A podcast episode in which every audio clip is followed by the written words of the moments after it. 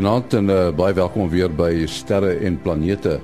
Ons het uh, vir professor Mati Hofman by ons. Ons het ook vir Willie Koorts en natuurlik uh, vir dokter Japie van Sail daar in Amerika. Ons gaan ook luister na sonweer en ook oor 'n nuwe sonsatelliet wat uh, gelanseer gaan word. Pas daarvan gehoor, maar voor dit ruimte nuus wat geskryf is deur Herman Torin in Bloemfontein. Die eerste soeye is gespit van die wêreld se grootste optiese teleskoop, bekend as die Extremely Large Telescope of ELT. Die ELT sal 5 keer so sterk wees soos enige ander soortgelyke teleskoop en die speel het 'n deursnee van 39 meter. Dit word in Chili in die middel van die Atacama woestyn op 'n hoogte van 3000 meter opgerig. Die seremonie is waargeneem deur die Chileense president Michelle Bachelet wat gesê het dit bied nie net nuwe geleenthede vir sterrekunde nie, maar ook groot moontlikhede vir die wetenskap in geheel.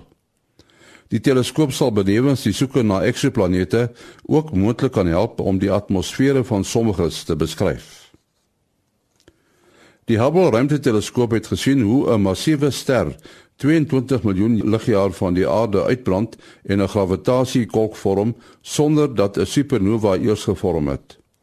'n Supernova is wanneer die gas wat nog oor is, saam met die ander puin die ruimte ingeskiet word waar dit duisende jare kan bly. In hierdie geval wat betref skaars is, het die gravitasiekolk gou oorgeneem en die verspreiding van die materiaal gestuit en begin insuig. Dit staan as 'n mislukte supernova bekend. Tot sover dan ruimte nuus wat vir ons geskryf is deur Herman Turin in Bloemfontein. Nou Kobus Olkers in Florida, Amerika met ruimte weer en ook nuus oor 'n nuwe satelliet wat om die son gaan wentel. Goeienaand en goeienaand luisteraars. Ja, ons uh, vooruitsigte vir die week vir ruimte weer is uh, redelik kalm. Ek uh, dink dit is net ons radioamateurs wat 'n uh, bietjie van 'n probleem gaan optel uh, met hulle frekwensies. Ons verwag 'n paar klein magnetiese versteurings. Hierdie solar probe, die Parker Solar Probe is 'n 'n ruimtetuig. Dit is ons eerste missie van van die aarde af na 'n ster toe. Nou gelukkig is ons ster daarom naby genoeg. Hy gaan nou 'n bietjie vir ons 'n paar goed gaan uitvind daar op die son. Uh soos die luisteraars reeds kan onthou, doen die son snaaks goed. By die oppervlak van die son is dit uh redelik warm, hier in die orde van 5000 uh, grade Celsius. Maar as jy uitbeweeg na die na die korona se kant toe dan raak dit hier in die miljoene van grade van Celsius. Daar is 'n hele klomp modelle om te probeer vasstel hoe dit werk, teoretiese modelle, maar nou ja, soos 'n lektor van my jare gelede gesê het om te meet is om te weet. So hulle stuur nou hierdie hierdie ruimtetuig en dit is nog 'n bilie van 'n ruimtetuig, hoor. Hy staan redelik hoog. As, het, as ek so na die foto's van hom kyk, wat is natuurlik al redelik ver in die pad af met die bouwerk. Hy sy, sy grootste massa is waarskynlik in sy dop. Hy het 'n dop van 4.5 duim dik, dis omtrent 12 cm van koolstof uh, van hierdie koolstofvesel weefsels wat die mense deesdae maak wat so wonderlik is. En as dit nie vir hierdie termiese isolator was nie, sou hierdie so hierdie soort missie nooit gewerk het nie. Nou ja, hy gaan uh, binne omtrent 6 miljoen kilometer van die son afkom. Nou dit klink dit klink ver, maar dit is al redelik warm daar. Dit is 10 keer uh, kleiner as as Mercurius se se wentelbaan.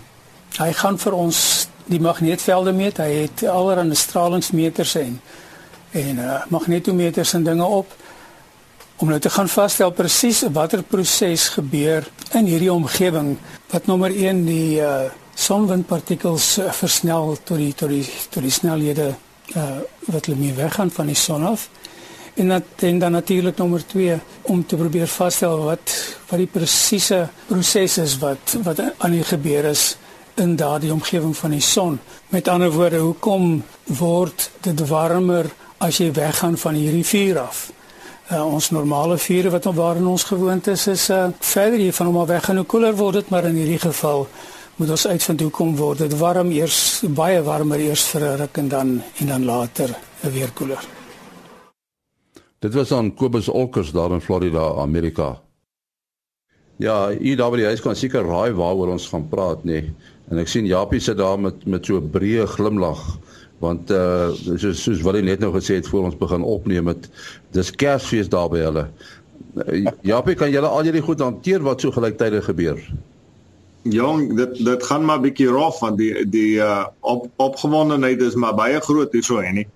Uh maar ons kry natuurlik nou ons twee groot uh sendings na die sal ek na die giant planets soos ons sê, Jupiter en Saturnus toe en ons kry nou ongelooflike goeie data van van beide Juno en van Cassini af. Uh so dis uh dis dis werklik omtrent elke dag Kersfees vir ons want ons kry hierdie nuwe goed die opgewondenheid onder die wetenskaplike manne hierso is baie groot want die teorieë wat ons gehad het is word verkeerd bewys en so aan so dit is nou groot pret. Uh, is dit baie beter as wat jy verwag het? Dis 'n interessante ding. Net soos jy dink jy verstaan nou mooi hoe werk hierdie planete en so en dan stuur ons 'n nuwe sending so toe dan kry ons nuwe data en besef ons ons verstaan glad nie wat daar aangaan nie. So dit is nou eintlik 'n baie interessante tyd vir ons. Uh soos ek sê, uh Juno het nou maar nog net uh, as ek reg onthou nou 6 uh, keer 5 of 6 keer verby uh, Jupiter gevlieg. En ons het alreeds data gekry wat vir ons ongelooflike nuwe dinge uh, van uh, Jupiter leer. Soos byvoorbeeld die die groot storms wat daar aan die gang is daar's uh, uh, mense na na Juno se se webwerf toe gaan en bietjie daar gaan kyk dan sal jy sien daar's uh, ons het 'n kamera op wat oorspronklik was hierdie kamera uit en uit net bedoel om mooi foto's te kon stuur wat ons kan gebruik vir uh, jy weet vir persdoeleindes en so aan. Dit was nie 'n wetenskaplike kamera nie.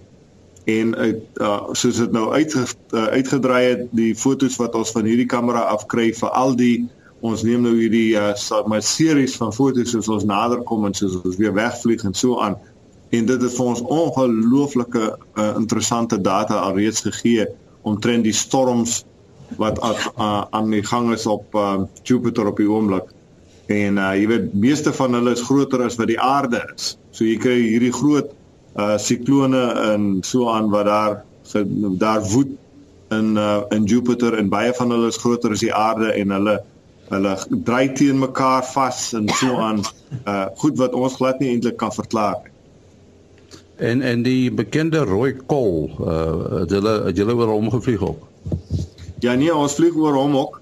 En uh wat ons nou al agtergekom het is uh daar storms oralster op uh op Jupiter aan die gang tot by die pole en dan ook natuurlik die rooi kol is meer op die ewenaar van die van die planeet.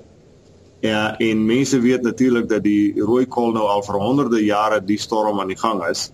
Wat ons nou met Juno uitgevind het, ons het uh um, radio ontvanger 'n uh, mikrogolf instrument wat ons gebruik uh, waarmee jy soort van binne in die in die uh, wolke kan inkyk, diep in die wolke in kan kyk.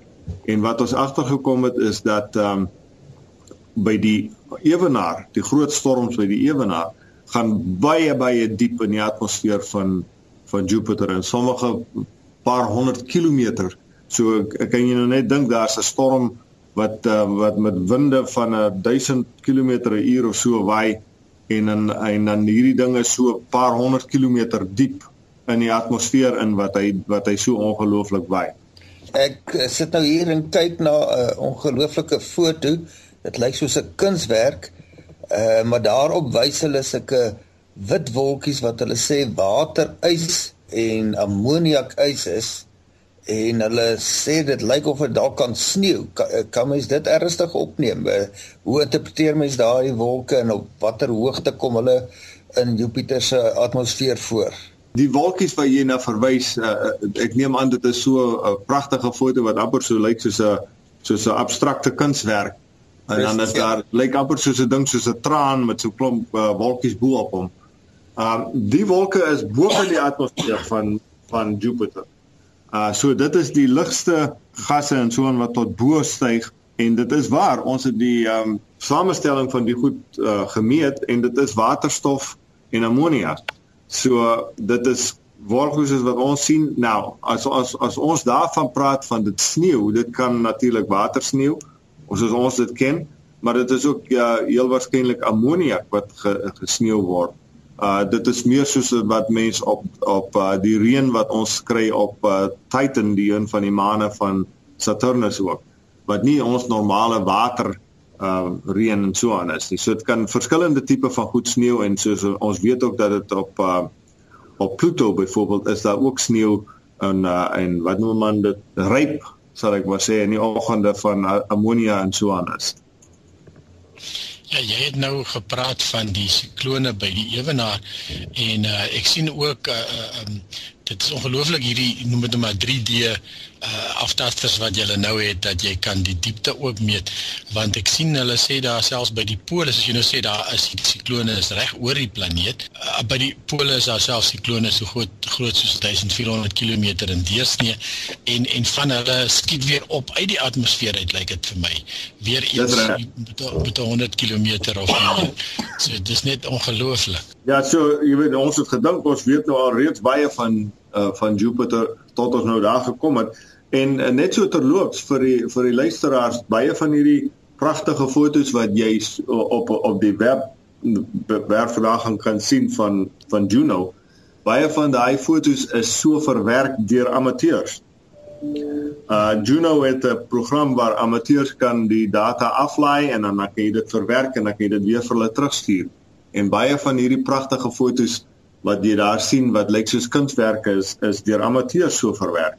Dit is uh, natuurlik nou nog vroeë dae, maar in die stadium wat wat sou jy sê is die die die hoogtepunt? Ek sou sê kyk, die, een van die groot dinge wat ons met Juno wil um vasstel is uh wanneer het uh, Jupiter gevorm en wat dryf Jupiter se magneetveld?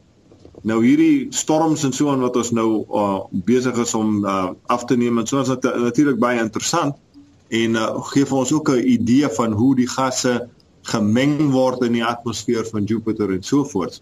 Uh maar die groot vraag is nog steeds wat dryf die sogenaamde dinamo wat ehm um, die magneetveld van Jupiter uh veroorsaak. Ons het nou reeds met ehm um, met Juno die die sterkte van die magneetveld gemeet en dit is nog sterker as wat ons voorheen gedink het. Die magneetveld op ehm um, op Jupiter is ongeveer 10 maal so sterk soos die sterkste magneetveld wat ons nog ooit op die aarde opgewek het. So dit is 'n ongelooflike sterk veld. Maar wat die interessantheid is, is hy is nie baie geleidelik versprei om die eh, planeet nie. Hy's baie soos hulle sê lampie is die woord wat ons hier gebruik. De, hy sterker in sommige plekke en nie so sterk in ander plekke nie. Wat eintlik 'n bietjie van 'n van 'n vir ons 'n 'n snaakse ding is wat ons het verwag hy gaan min of meer dieselfde sterkte rondom wees soos wat dit by die min of meer by die aarde is. Nou ons het ook so 'n paar plekkies waar hy bietjie sterker is, maar nie naaste by soveel uh variasies soos wat ons op by Jupiter sien nie. Die ander groot interessantheid is dat um dit wil voorkom ons het natuurlik nog nie genoeg data om dit uh, definitief te kan sê nie maar dit wil voorkom of asof die dinamo nie in die sentrum van uh, Jupiter is nie. In die binnekant soos wat ons op die aarde ken nie maar dat hy redelik hoog en aan die een kant van Jupiter sit. Nou wat dit nou dit is 'n baie uh, snaakse ding. Um, ons probeer nou nog soos ek sê vasstel met al die metings of ons dit nou wel reg het so en dan was dan begin begin die groot werk om dit te verklaar. Hoe kan dit wees dat die ding hier so so halfpad buitekant toe en aan die een kant van die planeet sit? Hoekom is hy nie in die middel van die planeet nie? So dis 'n baie interessante data wat ons sover gekry het. Die uh, Japie sou dit moontlik wees dat uh, Jupiter se magneetveld ook van tyd tot tyd kan omkeer soos wat die uh, aarde se maak en in daardie omkeringsproses is daar juis allerlei meer lokale effekte wat in die geval van die aarde opbou. Nee, dit is een van die verklaringe, uh, dit is jy's doodreg. Dit is een van die verklaringe wat uh, wat alreeds bespreek word dat ons ons sien heel waarskynlik dan uh die die beweging van soos wat die ding besig is om om, om te swaai en dan kan dit wel wees dat hy vir 'n oomblik vir 'n vir 'n tydperk nie in die senter is nie en hy en hy soort van hierdie hierdie soort van onstabiele voorkoms het waar daar verskillende sterktes in verskillende plekke is voordat hy weer sal ek maar sê soos hulle in Engels sê settle down en dan weer na 'n uh, 'n uh, meer 'n uh, uniforme verspreiding van die magneetveld het. so van die magneetveld wat ek ook uh, raak gelees het is is klank wat ontdek het. Uh, ek weet nog nie presies hoe hierdie klank het dit soos soos nie se kenwysie vir ons program uh, wat radiogolwe maar hierdie lyk my is is uh, met die magnetisme geassosieer. Ja, dit is nogal interessant as jy die goed luister dat ehm um, uh, dit soos jy sê ons vat die sterkte van die magnetisme en ons sit dit om in klank sodat 'n mens maar basies die die magneetveld kan hoor. En nou wat interessant is, ons het seker so 3, 4 maande gelede het hulle by een van die perskonferensies het hulle 'n stukkie gespeel. Nou jy verwag hierdie ding hy, hy as jy soos wat jy nader kom raak hy natuurlik nou sterker en so aan jy hoor die klink klank nou sterker raak en so voort en die, die toon gaan op. En toe kry ons ehm um, wat ons nog steeds nie kan verklaar nie. Sommige plekke wat amper klink soos ehm um, soos wat jy soms hoor hoe die ehm um, walvisse met mekaar uh kommunikeer net so 'n uh, 'n skerp tweet intussenin en redelik gereeld. Maar so soos ek sê, ons het geen verklaring vir wat wat die geluid veroorsaak het. Uh, ja, wat ek nou uh, oor 'n ding wonder hier, hulle sê een van die doelwitte van die sending is om Jupiter te te karteer. Maar hoe kan 'n mens so 'n gasagtige voorwerp met soveel veranderende atmosferiese kenmerke en storms, is dit enigstens moontlik om dit te karteer behalwe nou van die grootste kenmerke soos die rooi kol uh en miskien die bande wat nie verander nie. Hoeveel konstantes is daar in die patrone wat 'n mens sien? Ehm um, dis 'n baie goeie vraag. Uh maar het ons het ek sou dit so stel voordat ons soontoe gegaan het, het uh, was die algemene mening dat aangesien die die rooi kol nou al so lank daar sit, dat dinge verander nie so vreeslik op die oppervlakte. Dit gaan maar redelik stadig en oor 'n lang tyd en so voort. En uh, as jy kyk na die na die uh, filmpies wat hulle op die uh, webwerf het, uh, dan sien jy dit is heelwat meer dinamies as wat ons gedink het. So die beste wat ons kan doen is om te sê ons karteer daai die atmosfeer en uh, sal ek moet sê neem nou beelde van die atmosfeer soos wat dit op hierdie stadium lyk met die nuwe inligting wat ons nou het, besef ons dis baie meer dinamies as wat ons ooit gedink het voorheen. Uh, hoe lank neem dit uh, vir 'n sein hier van die aarde af om by tot by Jupiter te kom? Dit hang af waar, waar Jupiter in sy baan is, maar as as ons sê nou maar ons is tussen Jupiter en die son op daai stadium, dan vat dit so ongeveer 28 minute of so. Uh 28 na 30 minute toe vir die um, vir die uh, sein om by ons terug te kom. Jupiter is 5 keer so ver van die van die son af as wat die aarde is. Maar kan jy dink as aan die ander kant van die son is, dan is dit nou jy weet uh 6 maal die afstand tussen ons en die son en die radiosyne trek uh, die spoed van van lig natuurlik. En nee, ek het nou nog so 'n vraag wat ek vir uh ja uh, wil vra. Ehm uh, uh, hy en wil net nou verwys na hierdie storms wat so hoog uh bo die atmosfeer kan uitkom of selfs na onder toe in die atmosfeer instrek, kan mens verwag dat daar soortgelyke stelsels op Saturnus kan wees. Wat is die kans dat die as jy nou Cassini gaan in Saturnus invlieg, dat hy dalk een van hierdie stelsels uh, so 'n soort stelsel kan tref? De, dit is heeltemal waar Cassini het ook uh, groot storms veral naby naby um, uh, naby die pole van uh, Saturnus raak gesien. Daar's die sogenaamde hexagon. Ons verstaan nog nie hoekom dit so werk nie, maar dit is 'n uh, 'n seskantige storm wat op die om die noordpool van Saturnus woed. Ja, nee, dit lyk baie dieselfde. Uh, ek sou sê ons het nog nie soveel tyd gespandeer om hulle so te uh, analiseer soos wat Juno se se kamera dit nou doen nie. Maar ehm um, daar's baie goeie kans en ons verwag dat ons wel uh, redelik hoog in die atmosfeer alreeds sal uitbrand wanneer ons nou uh, die op die 15de September in Saturnus gaan vasvlieg. Hierdie projekte is al twee uh, van JPL as ek reg. Dis reg, ons het hulle al twee het ons um, sal ek maar sê beheer en ontwikkel hier by JPL en ehm um, natuurlik Juno het nou nie lank terug daar aangekom nie. Cassini uh het al in 1997 gelanseer.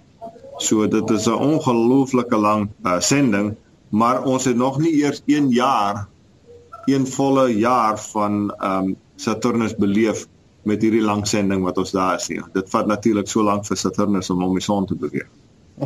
Hoe vergelyk die groottes van die twee tye, die Juno teenoor die uh, Cassini? Uh Juno is ongeveer so die helfte die grootte van Cassini. Cassini is 'n massiewe groot satelliet en hy dra natuurlik baie meer instrumente en hy het 'n radarstelsel en also aan ook, ook op. En die ander groot verskil tussen die twee is natuurlik Cassini het 'n kernkragopwekker so ons kry kernkrag vir Cassini want ons is te ver van die son af vir die op daardie stadium was die sonpanele nie goed genoeg om so ver van die son af ons genoeg krag te gee nie. Juno is die eerste satelliet wat uh, tot by Jupiter gegaan het wat sonkrag gebruik. Ja, ek wonder hoe lyk daai panele met 'n taanlike kragtige panele wees wat uh, opwekking betref. Uh ja, hulle is so ongeveer 15 meter in deursnit, so dit is 'n groot dit is groot uh, sonpanele. Aangaande die kamera is interessant dat jy sê die kamera was eintlik maar net vir, vir mooi prentjies bedoel en, en nou gee vir julle uh, wonderlike wetenskap data. Uh, is die kamera ook afgekoel en dan sien ek ook hulle praat selfs van infrarooi en ultraviolet uh, wat gewoonlik ons 'n baie spesiale kamera beteken of is dit ander sensors wat die infrarooi en ultraviolet meet? Uh daar is ander sensors ook, maar ons kan met uh, met die kamera wat ons het, as hulle van die Juno cam praat, die sogenaamde Juno cam, dan al wat hulle beteken is maar diep in die rooi aan die aan die aan die uh, baie kort kant van die infrarooi en dan die ultraviolet is weer in die in die baie baie sal ek maar sê ver kant van die ultraviolet. Maar ons het ander instrumente wat ook die infrarooi en uh, ultraviolet kan meet. Julle julle het nou hierdie twee sendings wat uh, in 'n sekere sin amper gelyktydig loop. Het julle verskillende spanne wat op uh, hierdie goed apart werk? Ja en nee. Ons het verskillende spanne wat hulle beheer wanneer ons nou soos nou wanneer hulle vlieg. Uh maar wanneer ons hulle ontwikkel, onthou um uh, ons het Cassini ontwikkel in die vroeë 1990s. Ja, en hom gelanseer 1997 en meeste van daai mense het toe aangegaan en op uh, van die Mars rovers en so aan gaan werk. En uh Juno het uh, het ons toe dan 'n ander span gehad wat hom ontwikkel het en ons het baie nou saamgewerk met um een van ons groot um maatskappye hierso Lockheed Martin wat die uh, wat die satelliet vir ons gebou het. Uh hulle het ons gebruik hulle baie om die om sal ek maar sê die die struktuur van die satelliet aan mekaar te sit. Ons sit natuurlik die brains in die satelliet in, maar hulle bou vir ons die strukture van die satelliet en so aan. So ja, ons het verskillende spanne wat hulle ontwikkel en wat hulle dan op die ouend uh, sal ek maar sê beheer terwyl ons hulle nou vlieg. Die enigste ouens wat dieselfde groep is, is die manne wat die navigasie doen want nou daar is nie soveel mense in die wêreld wat weet hoe om dit te doen nie. So ons het maar 'n redelike klein span wat die navigasie doen. Hoeveel mense is dit? Hulle is so ongeveer 15. En uh, werk hulle so van 24 uur. Hulle werk hard, ja, want hulle doen al ons sinne en ons doen ook navigasie vir die uh, satelliete van ander lande wat nou byvoorbeeld na Mars toe gaan en so aan. Ons help met hulle navigasie as hulle daar moet aankom en laat ons kan uh, hulle help om in in die regte plek te wees sodat hulle nie gevang kan word in die baan om die om die planeet en so aan. As hierdie navigators wat nou die baan en goed te plan as hulle nou op 'n gegeewe oomblik vir die satelliet nou die laaste instruksies gegee het om een of ander aanpassing te maak uh en hulle weet nou presies hoe vlieg hy sy posisie en sy tyd en hulle kan nou bereken waar gaan hy wanneer wees, hoe lank moet hulle vat voor hulle moet weer korrigeer. By ander woorde, hoe lank kan hulle akkuraat genoeg vooruit voorspel wat die uh, die posisie en snelheid van die tye sal wees. Ehm um, dit hang natuurlik 'n bietjie af van waar ons is. As as jy byvoorbeeld in die sogenaamde cruise phase wanneer ons nou net vlieg tussen sê maar die aarde en ons ons is nou pad Jupiter toe dan het ons 'n paar kere wat ons tipies by die aarde verbyvlieg om bietjie spoed op te tel en so aan. So dan wat ons doen is jy jy sal ehm um, uh so ehm um, wat hulle noem 'n trajectory correction maneuver. Sal jy doen so 'n paar dae voor jy naby die aarde kom en dan doen ons wat ons call 'n clean up uh maneuver tipies so 'n paar dae nadat ons dan by die planeet verby is, of dit nou die aarde is of Venus of of Mars, maar afhangende van waar jy nou verbygaan. Maar ander uh, andersins vlieg hy maar by homself. Ons uh, ons doen nie eintlik veel veranderings nie. Dis gewoonlik net wanneer ons naby die um, planete kom. Nou wanneer ons dan in 'n baan is soos byvoorbeeld Cassini is nou of uh, Juno is en so aan, In daai geval doen ons omtrent elke keer wanneer ons by die planeet verbygaan, soos uh, Juno nou by by Jupiter verbygaan, dan sal ons 'n uh, bietjie van 'n korreksie maak net nadat ons daar verby is of net voor ons by hom aankom, maar die res van die baan ry maar basies op sy eie. Dit so dit hang af dit dit wissel tussen 'n week uh, of so op die oomblik by by um, Saturnus tot so in geval van uh, Juno is dit so ongeveer 30 dae of so tussen wat ons 'n bietjie vir die baan verander en so. Maar is klein veranderingkies wat ons maak in elk geval. As hierdie veranderings gemaak word, uh, is dit nou uh, senders wat wat uh, teruglaat weet dat die verandering wel plaasgevind het. Ja, ons doen 'n hele paar verskillende goed daar's daar's natuurlik um instrumente op die satelliet homself wat vir ons kan meet hoeveel hy versnel of ver, vertraag en so aan wat dan vir ons die data gee. En dan doen ons ook ons kyk na die satelliet van die aarde af en ons stuur syne na na die satelliet toe en dan kyk ons na die sogenaamde Doppler verskywing. Die die uh, soos wat uh, jy nou langs die straat staan en 'n kar ry by jou verby en hulle blaas die hoeter dan hoor jy mos hy klink so eeu as hy verbygaan. Dis wat hulle die Doppler verskywing noem. So ons kyk na die Doppler verskywing van ons syne wat ons tussen ons en die satelliete stuur en daarvolgens kan ons baie akkuraat bewe uh, uh, bereken hoe vinnig die satelliet trek en so voort. Uh so ons uh, kry die in, inligting van die satelliet homself af en dan verifieer ons dit nou weer van die aarde af as ons met die met ons eie radiosender nou kyk. So jy het eintlik jy eie speedkops op daar. Dis reg, dis reg, ons het speedkops ou nou die dag eendag het hulle hier 'n aankondiging gemaak van hoe vinnig trek Cassini as hy nou naby uh, Saturnus kom en een van die persverklaringe toe een mens van ons 'n kaartjie gestuur. Sê ons het die die, die, die spoedbeperking oorskry. en dit dit hoe vergelyk Juno se spoed as hy nou so paar duisend kilometer bo Jupiter verbyvlieg met die van Cassini wat nou nog 'n bietjie nader aan Saturnus se atmosfeer is.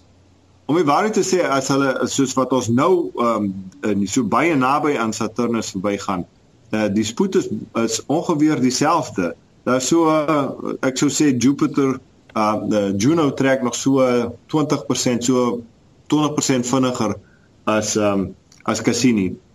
Want uh, Jupiter natuurlik heel wat groter nog as Saturnus. Ja, ja hoeveel uh, kilometer per uur is dit?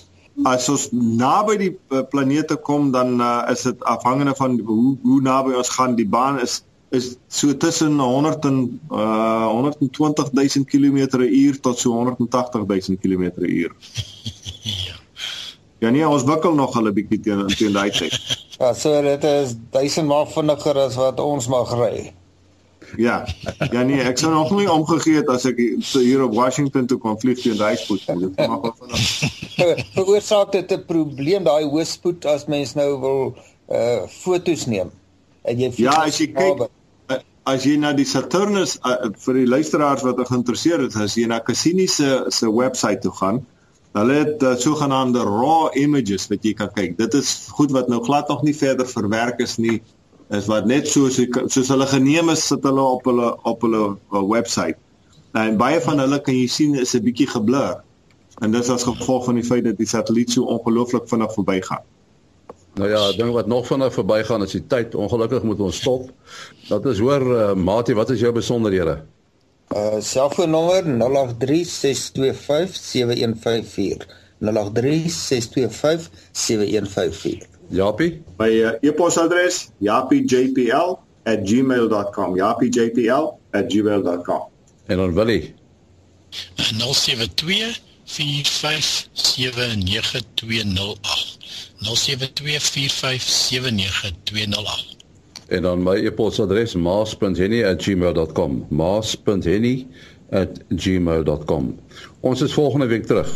Alles van die beste.